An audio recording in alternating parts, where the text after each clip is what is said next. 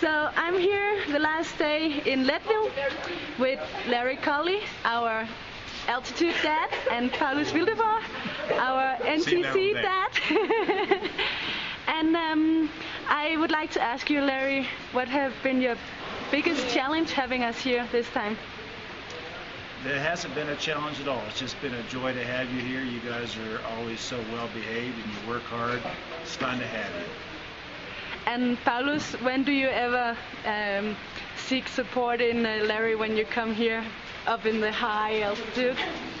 That starts many, many months before. so we communicate on a regular basis, trying to get everything in place. And uh, this time Larry has helped me a lot, helped me a lot with the lodging, because every time we switch, and I think this is the best uh, option of the three we have and then it's so nice to be and everything is prepared and we don't need to worry about anything so it's fantastic. Yep. And uh, larry did you in all these times we've been here now did you learn anything from paulus or the swimmers or? I have learned a lot. Uh, i can't even imagine how much i've learned from both the swimmers and from paulus i've learned things that I never knew existed. so it's been very, very interesting. As Paulus knows, I'm always digging in to try and find more out because I'm really interested in it. And I can see the results with you guys. And uh, Paulus, the um, cooperation with Larry and us being here, uh, how far do you think it's going to lead us in the Olympics? Aha! Well, clearly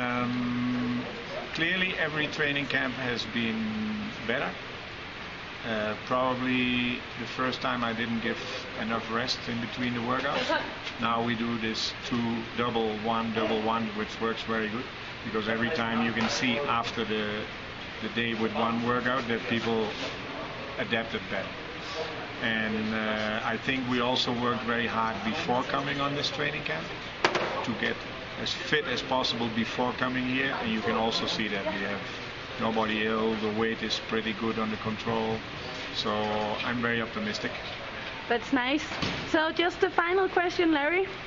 Uh, when you moved here to Leadville did you also feel the altitude? You know I did of course I was not doing the workouts that you do but I did feel it. But because I've spent a lot of time in Colorado because my grandparents lived here, and since I was a baby, uh, we would come to Colorado a lot. I think it helped me quite a bit. And did you ever go to Europe? No, I have never been outside of the United States. That's someplace I would like to go. We're looking forward to see you in Europe then. I am. Thank you.